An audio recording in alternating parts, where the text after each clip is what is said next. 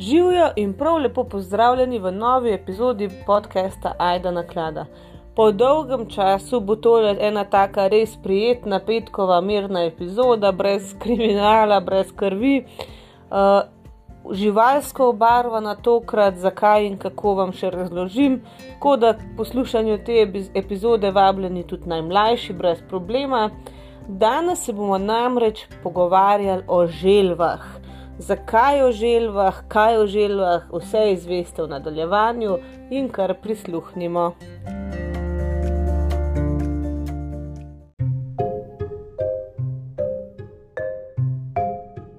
No, najprej naj vam razložim, zakaj sem prišla do današnje teme. Uh, želve so meni že odnegdaj všeč, sicer do te mere kot praktično vse druge živali. Jaz, če bi lahko bi imela doma cel živalski vrt, uh, Uh, in v glavnem, ko sem bila čist majhna, smo že imeli dve želvi, rdeče vratki, um, potem smo jih morali dati stran, ker pač sta zrasli res ogromni, ne se to bomo kasneje še malo povedali, glede te problematike. Um, potem sem si kupila želvo, jaz pa že sama, uh, to je bila rumena vratka po imenu Aksel, ki še vedno živi pri meni doma, doma. Ne? Eh, no, pred kratkim sva pa posvojila dve kopenski želvi, eh, sva jima ponudila dom. In zdaj, ko opazujemo te živali, so res fascinantne. In ko sem začela malo bolj raziskovati, kaj in kako eh, glede te živali, sem ugotovila, da je res toliko enih zanimivosti, da mislim, da bi tudi vas to zanimalo. Um, v glavnem, kar začnimo. No? Pač želve, seveda jih vsi poznamo. Oni so, uh, ta skupina živali so seveda plazivci. Uh, to je mogoče ena stvar, glede katere se veliko ljudi kar ima umot. Uh, velikrat smo slišali že, no, da so ljudje želve uh, tretirali kot dvoživke, kar po nek na en način ne razumem, ker lahko dihajo praktično pod vodo in nad vodo, ampak ne želve spadajo med plazilce. Eh, so dejansko ena od najstarejših skupin plazilcev, starejši so celo od kač, kuščarjev in krokodilov. Se pravi, so res, res, res dolgo že na zemlji. In tudi, če kašno kopensko, predvsem mogoče te vodne ne, ampak če kašno kopensko želvo opazuješ, uh, ti je jasen. Mislim, da res zgleda kot en dinozaver, tako da bi jaz to kar verjela. Zdaj, uh, za njih je značilno, da njihovo telo ščiti koščen ali pa hrustančen oklep, in ta oklep je sestavljen iz 60 kosov. Nastal pa je iz preobraženih rebr, se pravi, to, kar bi morale biti rebra, so zdaj pač te hrustančne ploščice, ki tvorijo pač oklep. Seveda je to skupaj zraščen, to je trdo, se ne premika, ampak načeloma je teh uh, kosov 60. Zdaj, kakšni so, kakšne oblike obstajajo, recimo špičasti, polčist, uh, taki uh, ploščati, kako koli, to je odvisno od vrste želve, ampak načeloma naj bi jih bilo 60. Zdaj obstajajo tudi fosilni ostanki že izumrlih vrst želv, in najstarejši od njih so stari okrog 210 milijonov let. Tako da res, res, res dolg so želve že na, tem, na tej naši zemlji. Zdaj, kar se sistematike tiče, ne bomo šli preveč v podrobnosti, bi pa vseeno pač omenila, da se najprej želve delijo na dva podreda oziroma podredova. Eden je parakriptodera, ki so že izumrle, in potem kriptodera, ki pač še obstajajo. In tukaj sem hotla samo pač. Uh, povedati, da uh, te naddružine, na katere se pol ta podred um, ločuje, kar ločijo med sabo, naprimer različne vrste želo. In če vam dam, brez da zdaj neki uh, teoretiziram tukaj, ne, uh, recimo kopenske želeve, pri nas jim včasih rečemo tudi kornjače, ne, čeprav kornjača je hrvaško, uh, hrvaška beseda za želo. Ne, in sklednice, med katere spada recimo močvirska sklednica, prdeče vratka, rumeno vratka in tako naprej, so čist druga naddružina kot pa recimo uh, potem red uh, kleonioideja, kamor pa spadajo morske želve. pa usnjače, ki so pa tiste te ogromne morske želve. Ne.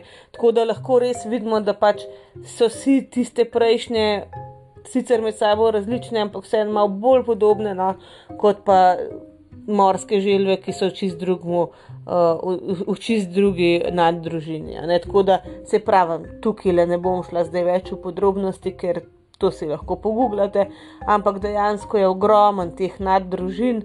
Eh, ki se potem uh, med seboj na tak ali drugačen način razlikujejo. Zdaj, uh, na področju Slovenije želv sploh ni mal. Uh, vedeti moramo, da tukaj obstajajo in kopenske, in um, vodne želve, že kot uh, avtohtone, kar smo pa mi ljudje pol naredili z ekosistemom, je pa čez druga stvar. Ne? Zdaj, če se osredotočimo najprej na vodne želve, Eh, močvirska sklednica je v bistvu želva iz družine sklednic, tako kot naprimer rdeče vratka, pa rumeno vratka, živi v stoječih, pa počasi tekočih vodah. Eh, nekje v Južni in Srednji Evropi, v Zahodnji Aziji, Sever in Severni Afriki, v Sloveniji pa je edina avtohtona želva celinskih voda. Se pravi, močvirska sklednica je edina želva, ki je odnegdaj že pač tukaj živela, oziroma ki je nismo umetno naselili. Uh, zdaj um, njeno telo ima značilne rumene pike, veliko krat so razporejene žarkasto po, uh, po oklepu, po glavi in v končinah, uh, tako da zraste približno 20 cm v, druž, v dolžino, tako da ni tako majhna, ni pa prav ogromna. Um, vaga nekje med 400-700 grami, prehranjuje se pa z vodnimi živalmi, kakšne paglavci, manjše ribe in tako naprej, pa tudi z raz, rastlinskim materialom. Zdaj, uh, kaj pa je problem močvirske sklednice? Um, zelo je ogrožena, pač uh, zaradi tega, ker tudi zaščitena je, ne v Evropi, ker dejansko se prvo kot prvo krči njen habitat uh, mokrišča, kjer je ona prej živela, barja in tako naprej, vse seveda izsušujejo za potrebe gradnje, več ali manj, ne se vemo, da ko mi čakamo ljudje, da bomo izsušili kakšno barje, pa postavili spet kakšen trgovski center, ki da jih ni že dost. Ne. Uh, poleg tega pa je ogromen problem, kar se močvirske sklednice tiče, izpuščanje rdečevratk, pa rumenovratk v naravo. Zdaj rdečevrat, rdečevratka sploh ne, je zelo agresivna vrsta, ki komod preživi v naših krajih. In včasih, recimo, ko so se te želve prodajale kot čistmičkani mladički, a ne se ti kupi tisto par centimetrov dolgo želvico, si jo imel v akvariju, ampak je v nekaj letih v bistvu postala prava nočna mora, ker je zrasla pač ogromna, tudi tam nekje 20 cm, 30 cm, uh, sem videla že. Uh, in ljudje so jih enostavno spuščali v naravo, uh, rdeče vratka, ki je bila pa pač bolj prilagojena, lažje se je prehranjevala in tako naprej, se lažje tudi razmnožvala, je pa na ta način izrinila potem močvirsko sklednico. Zdaj moj aksel je rumeno vratka, ker tudi rumeno vratke so se pol začele prodajati pri nas zaradi tega, ker pač ne preživijo v naravi, oziroma naj ne bi, da jim rečem tako so vsaj mislili in so rekli, ok, tudi če se najde kakšen idiot, po domač rečen, ki jo bo potem spustil v naravo, ona vsaj ne bo, mislim, se je hudo zaželvo, ampak ne bo preživela in ne bo uh, ekosistema rušila, ampak so žal ugotovili, da s tem, ko se temperature pač višajo v zadnjem času, oziroma predvsem zime so milejše, ne. Uh, je tudi rumeno vratka se to utrdila, da preživi pač pri nas. Tako da, kar jaz vem, se tudi rumeno vratk ne uh, prodaja več. Mislim, da se samo kakšne bolj eksotične vrste um, želvic prodajajo, zdaj tako pač vodnih. Um, imamo pa seveda na našem območju tudi kopenske želve. Eh, kopenske želve pri nas živijo predvsem v primorju, mogoče v prekmurju, ni zdaj to tako pogosto, so pa to nekako ponavadne. Eh, grška kopenska želva, oziroma njena podvrsta, ki je dalmatinska različica, ki živi v bistvu v Dalmaciji, v Istri in pol tudi pri nas, sam kot pravim, to ni prav prav pogosto. Je pa problem, da včasih kašna ta kopenska želva zakoraka na kakšen vrt, prosto živeča, seveda, človek jo pobere, misli, da je pač ljubljenček, ki je nekomu všel in jo obdrži, je pa v resnici to žival iz narave. Ne. Tako da te stvari uh, urejajo določene konvencije, kot je recimo CITES, ampak o tem ne bomo tukaj se pogovarjali preveč, uh, ker mislim, da vas ne zanimali. Zdaj, če gremo samo še mačka na uh, kopenske želve. Zdaj uh, v Sloveniji mi vsemu rečemo želva, kot sem rekla, za kopensko želvo se pač včasih uporablja sicer hrvaška beseda kornjača, ampak uh, drugače, recimo v angliškem jeziku, pa ločimo turtle, turtle je ponavadi pač vodna želva, ali pa tortoise, a ne tortoise je pa v bistvu kopenska želva. Uh, tako da ja, to sta različni živali, ki pa pač uh, istemu, istemu redu pripadata. Uh, zdaj, uh, tudi za nje, za kopenske žilve, je značilno, da pač imajo klep, uh, trdo klep, uh, v katerega se skrijajo, in uh, imajo pač vrat in glavo, ki jo potegnejo naravnost noter v oklep. Pač dobesedno potegnejo v oklep, ko se je pač treba skriti. Uh, zdaj, kopenskih želv obstaja ogromen vrst, uh, recimo galapaška, orjaška želva, uh, več kot meter pa 200 cm zraste v dolžino. So pa recimo manjše kopenske želvice, ki pa naprimer uh, zrastejo tam približno 6 ali pa 7 cm v dolžino. Tako da um, se pravi od 6 cm do 1200 cm, če hočemo reči, da ne, je razpon velikosti kopenskih želv. Poleg tega, da so velike, so pa lahko tudi zelo težke, recimo največje želve, kopenske, seveda. Eh, so lahko težke tudi tam nekje okrog 100 kg, tako da ja, to niso te največje vrste, res niso majhne živali. No. Uh, zdaj so poleg tega, da so kar velike, tudi ene od živali, uh, oziroma ne ene od kar živali, ki najdlje na, na zemlji živijo. Mislim, pač dosežejo najvišjo starost. Tako kot smo rekli, žitek, ja, dejansko so na zemlji najdlje, ampak tudi najdalj živi pač vsak posameznik. Recimo obstajala, obstajala je bajenika orjaška želva po imenu Advaita, ki je živela približno 255 let, trenutno pa je najstarejša želva stara 190 let. O tem bomo povedali še nekaj v nadaljevanju.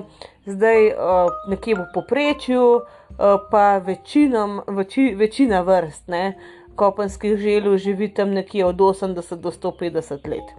Zdaj, poleg tega, da tako dolgo živijo, so pa tudi zelo počasne živali in njihova povprečna hitrost pri hoji je med 200 in 500 metrov na uro. Da, ja, čeprav tako bom rekel, jaz, ki zdaj te dve moje opazujem, ne vem, če bi jih rekel, da so čist počasne, ampak vsekakor so pa med eh, počasnejšimi živalmi.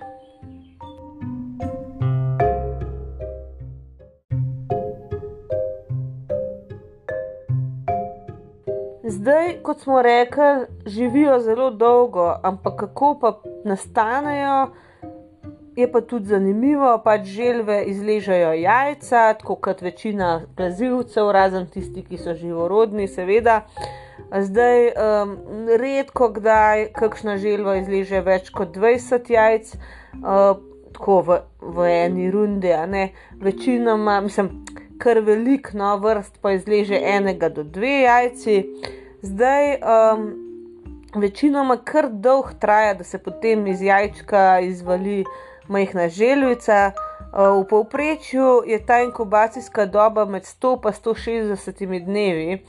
Um, jajca pa želva več ali manj leže po noči, uh, potem pa seveda izkoplje, pri tem izkoplje luknjo.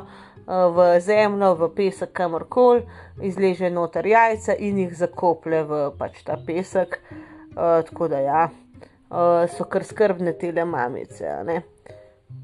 No, seveda pa želijo mame kar z razlogom poskrbijo za svoj zarod, ker vejo, da bojo ti njihovi mladiči kar dolg na svetu. Pol, Uh, zdaj, kot smo rekli, to so najdlje živeče živali na, na svetu. Uh, in dajmo si malo pogledati, recimo, najstarejše primerke. Um, in da si boste predstavljali, kako dolgo živijo res te živali, vam lahko dam najprej en primer. Recimo, prva tako zabeležena je bila želva po imenu Tuj Malila, uh, ki jo je v bistvu um, te. Uh, kraljevi družini iz Tonga podaril britanski raziskovalec James Cook leta 1777, se pravi v 18. stoletju. In ona je ostala v bistvu v lasti kraljeve družine iz Tonga do svoje smrti, do katere je prišlo pa 19. maja 1965, ko je bila stara 188 let. A veste, koliko se je svet spremenil, recimo v teh 188 letih, to je meni nevrjetno. Ne. Pol, naprimer, uh, kar se tistega časa tiče, do takrat je recimo edina žival, ki je še presegla ta leta, uh, da so pač, da so pač zabeležala, kako dolgo je živela, uh, bil koj krab uh, po imenu Hanako, uh, ki je živel 226 let. Uh, drugače, uh, kot smo že omenili, Advaita. Eh, je bila najstarejša želva zabeležena. Ona je živela v Alipore, uh, živalskem vrtu v Indiji uh, in uh, poginila je 23. marca 2006. Um, in je v bistvu bila stara, se pravi, 250 let približno. Ja, uh, tako da res, res grozna starost. Potem želva Harriet, ona je v živalskem vrtu v Queenslandu, v Avstraliji živela, uh, dobili so jo leta 1987, poginila je leta 2006. Njo je dejansko pripeljal uh, uh, tja Charles Darwin, oziroma Charles Darwin jo je pripeljal v Anglijo najprej, potem pa v Avstralijo John Clemens Wickham. Harriet je poginila leta 2006, kot smo že rekli, uh, in je bila stara 176 let. Uh, potem je bil še želvak Timothy, uh, on je bil živ približno 165 let. Uh, in zdaj, trenutno najstarejša želva na svetu je pa Jonathan. Jonathan je orjaška sešilska želva in živi na otoku sveta Helena. Zdaj, um, Jonathan je ena legenda, pejte kakšen video na YouTube pogledati. No. Uh, zdaj, uh, Sveta Helena je otok v britanski lasti uh, in on pač tam, uh, tam živi. Uh, na tem otoku uh, jaz sem videla en prispevek, mislim, da BBC-ov, Eh, ko je pač so razlagali, da mislim, da tisti guverner ali kar koli, no, kar vele poslanik britanski, da jim reče, no, tako po domače, ki pride na sveto Heleno delati in živeti, ne, dobi nekakšno nalogo tudi, da skrbi za Jonathana in si ljudje jih ne predstavljajo, kaj to pomeni. Uh, zdaj, izvaljen je bil uh, približno leta 1832, niso tukaj čist sigurni, koliko je pač kdaj je bil izvaljen. Tako da je recimo um, star približno med 189 in 190 let, letos, a ne ima okroglo 190. Uh, tako da on je res ogromen, um, res ogromna želva, zdaj sicer je že malo star, se mu že malo vidi, da je star. Ima um, v bistvu te um, neke spremembe na, um, mislim, da masivo mreno ali neki na očesih, no, tako da je uslepel, pa izgubuje uh, voh, a ne, ne voha več, tako da ne more videti pa vohat hrane, ampak še vedno pa odlično sliši. Uh, zdaj res so zanimivi te. Um, te posnetke, ki ga ljudje morajo oprati, kot da bi avto prav, hranijo ga v bistvu čist do ustane in res se trudijo, da bi pač čim dlje še živel, kaj čist maskota v bistvu svete Helene. Je pa zanimivo, da um, je imel imano že od leta 1991 partnerja, ne, partnerko spolno, ker je še vedno spolno aktiven, ne pa 190 letih. Uh, in to ne bi bila Fre Federika Želva, uh, ampak so dejansko uh, morali leta 2017 uh, neki, neki oh, mislim, oskrbeti veterinarsko Federiko, ki je pač nekaj bilo z njenim oklepom na robe. In ko so jo oskrbovali, so v bistvu ugotovili, da niso čisto sigurni, če je sploh ženskega spola, če ni pač samec, uh, ampak da ko so pač ta pregled upravljali, da je bil Jonathan skozi zraven, da pač sploh ni hotel straniti, tako da očitno njemu ali njej, v glavnem karkoli Federika je, je povsem zvesta. Uh, tako da zdaj, evo, do tukaj je bilo močka na splošno v želvah, pa malo tudi o Jonathanu. Zdaj si bomo pa pogledali nekaj zanimivosti iz sveta želv, ker meni so to res take najboljše, najboljše stvari za poslušati, ne te čiste ne random zanimivosti, ki jih naučite nikjer v življenju več rabel, ampak ne vem, a ni fajn vedeti.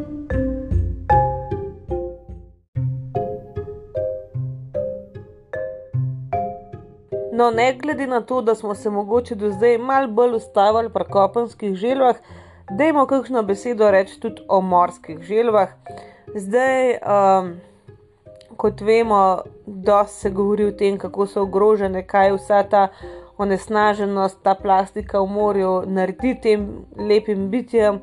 Uh, no, ampak upajmo, ne, da, da jim uspe preživeti to, kar mi počnemo. Uh, v glavnem, um, načeloma so morske želve primarno rastlinojede, se pravi, več ali manj jejo morsko travo in alge. Uh, in zaradi tega so v resnici velikrat tudi tako zelenkaste barve. Uh, morske želve izležejo svoje jajca prav tako kot vse ostale želve v pesek, in uh, ta pesek seveda najdejo na obalah, v, te, uh, v ta pesek pa izkopljajo jame z zadnjimi plavutmi. Uh, zdaj, kot vemo, ljudje, ki smo res, ne rečem kaj, uničujemo tudi ta del narave, veliko ljudi išče ta jajca, jih izkopava, jih preprodaja in tako naprej. Tako da, ja, ne, pač. Tiste, še tiste želve, ki pač ostajajo v teh gnezdih, uh, imajo tudi pol, ko se izvolijo, uh, kar, kar, kar težko nalogo. Um, Namreč majhne želvice so res na kopnem kar precej ranljive za vse možne napadalce, tako da to ste že velikrat najbrž videli, kakšen posnetek, ko se ljudje v bistvu dobijo, da jim pomagajo uh, priti čim prej do vode. Um, in pač, ne, ko pridejo enkrat v vodo, so pa veliko manj ranljive, ker se pač tam bolj dobro počutijo, bolj so domače tam. In eh, še ena zanimivost, ki ne velja samo za morske želve, tudi za kopenske in vse ostale. Spol eh, želu, ne, tudi drugih plazilcev, way, ne, določa temperatura, v kateri se pač jajce razvija. Ne. Se pravi, eh, če so temperature nižje, se izvalijo moški primerki, če so temperature više, se izvalijo ženski primerki. Se pravi, tam, kjer. Um, tam, kjer je recimo večinoma bolj vroče, bo več ali pa kar vse ženske, tam, kjer je bolj mrzlo, bodo moški. Če se pa temperatura dokaj menja iz mrzlega na toplo, bo pa mešanca, ne? nekaj moških, nekaj ženskih primerkov. Zanimivo je, da tudi one v bistvu jajce odlagajo po noči, je pa ena vrsta morskih želv, ki pa jajca odlaga pod dnevi, tako da to je najbrž kar zanimivo za gledati. Obstaja pa tudi ena vrsta, ki se je reče leatherback, uh, leatherback, ne bag. Uh, ki je pa dejansko takšne oblike, kot je zdaj, še iz časa dinozaurov, pač že vsta čas je enake oblike. No, kot smo rekli, se mlade želvice najbolj počutijo v vodi in prvih 7 do 15 let, v povprečju nekako 12 let, preživijo na odprtem oceanu, se pravi, daleč stran od uh, kopnega, najbrž do neke spolne zrelosti, preživijo na oceanu. Um, zdaj še ena zanimivost, razlika predvsem med uh, temi morskimi in navadnimi želvami. Uh, morske želve se ne potegnejo noter v oklepa, ne? one ne morejo skriti svojih okončin in glave v oklep, tako da iz tega vidika so malo bolj ranljive, ampak zaradi teh dolgih in okretnih plavuti so pa izredno hitre med premikanjem po vodi, tako da na eni strani slabost, na, na drugi strani pa prednost. Ne. Še eno zanimivo, ogromne um, v bistvu skupine želu naenkrat pač gnezdijo, pridejo na kopno in odlagajo jajca, in tem skupinam želu ki v bistvu pridejo na kopno odlagati jajca, se reče aribadas, kar je španska imena za, eh, beseda za prihod.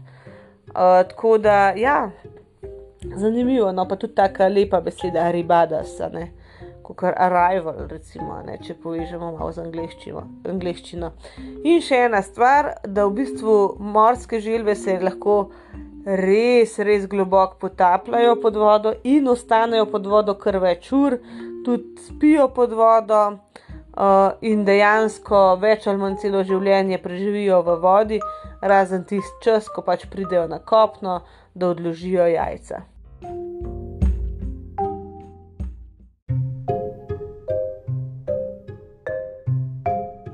No, pa pojmo zdaj na tiste uh, fakte, ki so res najbolj zanimivi.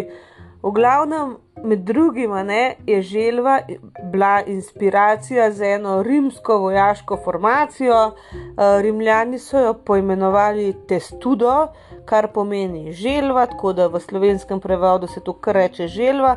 In sicer je to pomenilo, da, je, da so moški pač uh, postavili se v vrste in um, postavili svoje ščite v zrak in okrog, se pravi. Uh, držali so jih v zrak in postavili uh, naprej, tako da so bili okoli in okoli v bistvu obkroženi ščiti. Zdaj vam jaz to ne znam uh, povedati. Se pravi, prva vrsta je ščit držala pred sabo, ostale vrste so dale ščite uh, v zrak, uh, tako da so v bistvu eno streho naredili in so bili okrog in okrog. Ščiti obkroženi in na ta način manj ranljivi kot sicer. Zdaj, kot smo rekli, je v bistvu uh, oklep od želve nekako uh, narejen iz istega materiala kot kosti, uh, transformirana rebra so to, ampak kljub temu, da želva ima ta exoskeleton, ne se pravi uh, zunanje okostje, ima tudi uh, v bistvu notranje okostje, ima še druge kosti, seveda v okončinah, ima pa tudi uh, recimo ključnico. Uh, hrbtenico noter, tudi nekaj rebra, Eh, tako da dejansko ima zunanji oklep in kosti, uh, seveda pa želva ne more, ne, ne more zapustiti svojega oklepa, tako kot je v, kakšnem, v kakšni risanki, ki una želva naga, pol ven prlaufa iz oklepa. Ne, pač to se ne da, ne. želva je priraščena na oklep um, in, uh, in a ne. Pač, če se oklep poškoduje, želva žal pač najbrž pogine ali pa rab zelo dolg, da ukreva.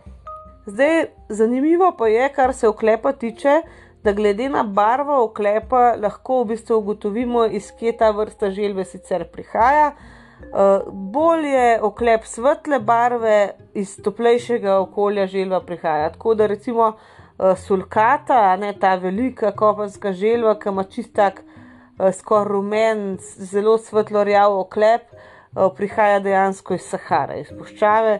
Če pogledamo recimo tole močvirsko sklednico, ki živi tudi pri nas, ima zelo temno rjev oklep, recimo, ali pa pol rdeče vratke in tako naprej. Tako da kar v bistvu zanimiva in resnična teorija. Zdaj, kopenska želva ne zna plavati, ne.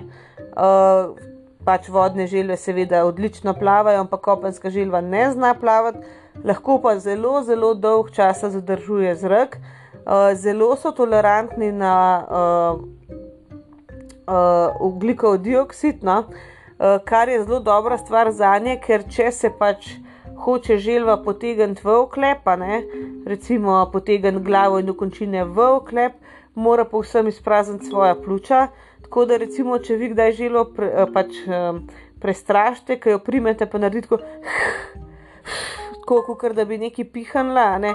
To dejansko izprazne svoja pljuča, zato da se lahko not potegne, ne? da ima prostor v oklepu, kamor se potegne. Uh, zdaj, uh, kljub temu, pa, da je pač okrog njih uh, ta trd oklep, vse en um, imajo v pač. Uh, oklepih neke živčne povezave, tako da dejansko čutijo, pa če se kam zadane, če jih primaš in tako naprej. Uh, tako da je ja, zanimivo, da bi človek mislil, da se nič od tega ne čuti.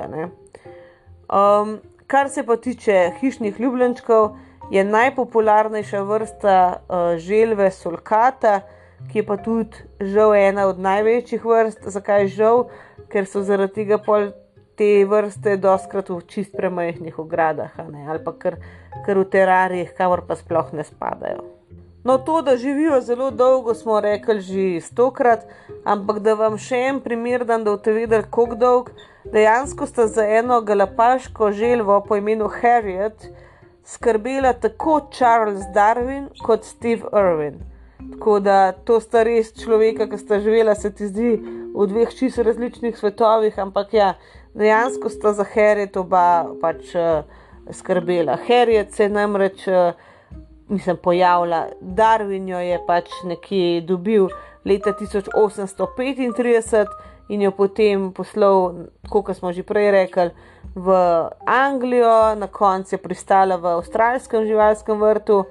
Uh, ki sta ga ustanovila starša Steva Irwina, in um, v bistvu uh, uh, Steve je pač, pač tudi za njo skrbel. Je pa zanimivo, da, sta, da je tako, kot je pač leta 2006 poginila Harriet, leta 2006 žalostno končal tudi Steve Irwin, tako da sta istega leta odšla. Ne? No, pa še ena zanimivost.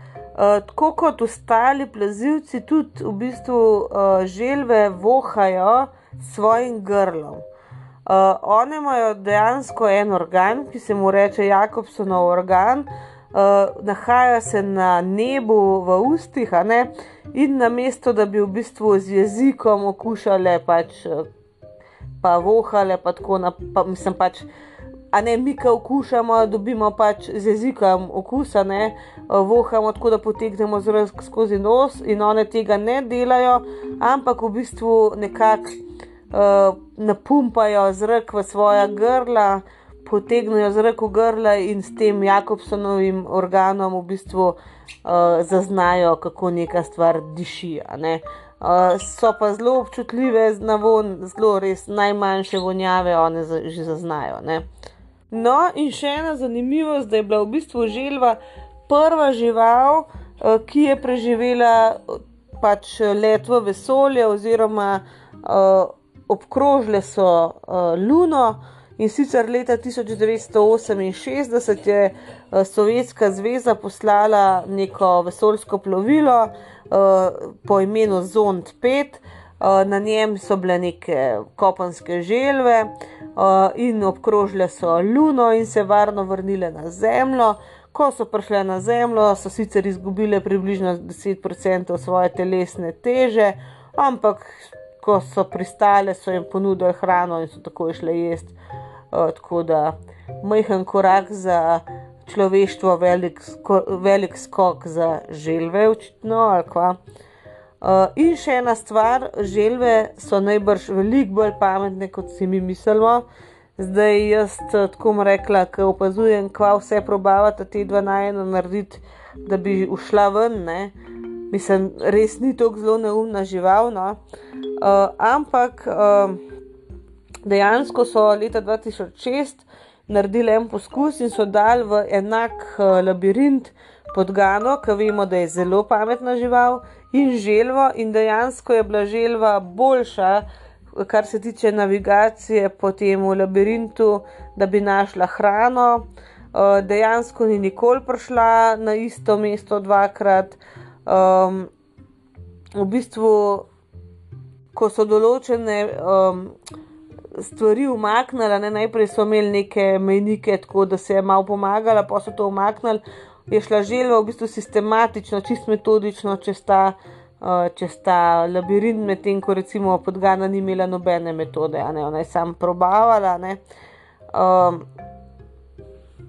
je pa zanimivo, uh, da vse prejšnje raziskave so pokazale, da je želva precej bolj neumna, kot so potem leta 2006 dognali in so ugotovili, da je najbrž kriva temperatura v teh laboratorijih, ker dejansko pač na nižjih temperaturah želva, kot vemo, ne, tudi vsi plazivci večinoma. Ne, so, mislim, mislim, da celo kar vsi so hladnokrvne živali, se pravi, rab se odzuni nekako uh, greta, ne, in ko so temperature nižje, gre v neko to fazo mirovanja, in najbrž takrat tudi možgani jih ne delajo tako dobro, kot bi morali.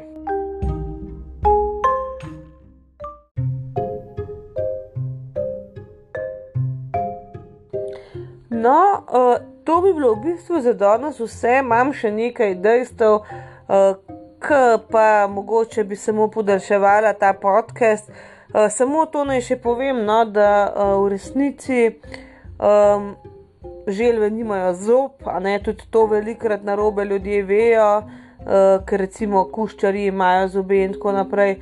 Želve jih nimajo, imajo v bistvu kukareno uh, roževinasto kot en podaljšek čeljusti, one imajo tako klešče narejeno, da je v bistvu uh, v enem kosu ta roževina zelo ostra, sicer ne te lahko tudi ugrizne, fajn, uh, kot en klund, da jim rečem. No? Uh, in s tem pač v bistvu žvečijo hrano, v resnici je pa niti ne prežvečijo, kaj je dost, ampak jo z jezikom potisnejo nazaj v grlo in potem pogotnejo. Uh, zelo dobro pa iz čist minimalno hrane v bistvu potegnejo največ možen um, hranljivih snovi, imajo dvojni prebavni trakt in tudi en sistem, da iz vse vode čisti izločijo v bistvu tekočino, da jo ne, na tak način prek. prek Prek hrane, jaz sem rekel, iz vse vode, iz vse hrane, mislim. Eh, da iz eh, hrane pač dobijo tudi vodo, ne kadar jo slučajno ni, ker jih je veliko eh, velik živi na kakšnih sušnih območjih. Ampak, ker se reka, veliko živi na sušnih območjih, dejansko živijo v najrazličnejših podnebjih, v bistvu samo na Antarktiki ni želo, drugače pa živijo jih čist posod, kjer, kjer v bistvu lahko živijo. Um, še ena stvar je, kar se tiče spola želve. Uh, one ne dosežejo svoje spolne nekakšne uh, odraslosti po, po letih, ampak ko dosežejo neko velikost. Se pravi, če prej zraste, je prej spolno dozorela, če kasneje zraste, je kasneje. Uh, zdaj uh, je pa zanimivo, da mlajša, ko je želva težja, je v bistvu določiti pravilen spol. Uh, dejansko šele kasneje, ko je spolno zrela, se pokažejo neki spolni znaki, neke uh, razlike v teh uh, na spodnjem delu oklepa.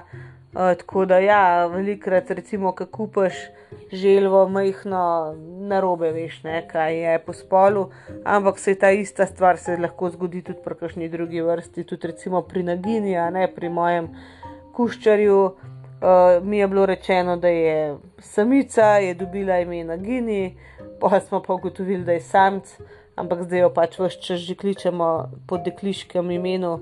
Tako da, evo, she, her, a ne pronouns, če hočete tako reči, zdaj, a ne. Uh, žal pač, a ne. Uh, smo jo kar mi identificirali kot žensko, tudi če je v resnici zdaj moški. No. Tako da, ja, v glavnem, to bi bilo to za danes, no, sicer malo drugačna epizoda kot ponavadi, ampak meni se zdi luštno vsake tok časa eno tako le spet uh, dati v eter, a ne uh, malo naplest kakšnih uh, faktov, kakšnih zanimivosti, ker vem, da imate nekateri to zelo, zelo radi. Uh, ampak kdo od vas želvo doma, mislim, uh, a, a bi imel, a ste jo imel, kaj si mislite. E, Pejte na Instagram, dajte kaj napisati, pač res, res rada debatiram z vami, tako da vabljeni. To je to za danes, se slišmo naslednji teden, upam. Uh, naslednja dva tedna, moram reči, bosta kar hektična, gremo tudi z otroki uh, službeno, gremo ne, na en tabor oziroma v šolo v naravi. Tako da najbrž uh, naslednji teden bo še vsaj ena epizoda, potem en teden kasneje pa ne bo. No. Ne, niti ene, ker sem cel teden pač službeno odsotna in ne bom mogla snemati, uh, tako da boste najbolj razumeli, upam. No. Um, v glavnem, to je to za danes, uh, lepo se majte, se slišmo naslednji teden, do takrat pa ostanite varni in zdravi in čau, čau.